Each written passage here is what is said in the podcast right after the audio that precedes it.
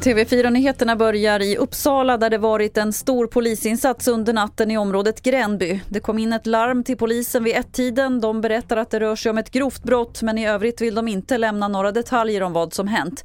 En person ska ha förts till sjukhus. Det är oklart hur allvarliga skador det handlar om. Idag kommer landsbygdsminister Peter Kullgren ha ett möte med Jordbruksverket efter att afrikansk svinpest hittats i ett dött vildsvin i Västmanland. Det är det första fallet i Sverige och nu införs restriktioner i det drabbade området.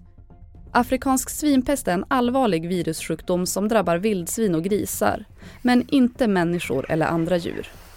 Nu ligger fokus på att viruset inte får sprida sig, framförallt inte till tama grisar.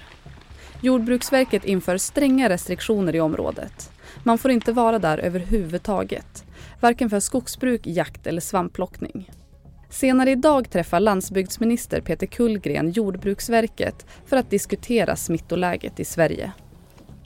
Reporter här var Malin Otander. Vi avslutar i Kina där två byggarbetare har gripits misstänkta för att ha grävt ett stort hål i kinesiska muren. De ville nämligen ha en genväg till och från jobbet och på bilder från platsen ser man en väg och ett stort glapp i muren. De båda misstänkta har erkänt. Fler nyheter finns på tv4.se. Jag heter Lotta Wall.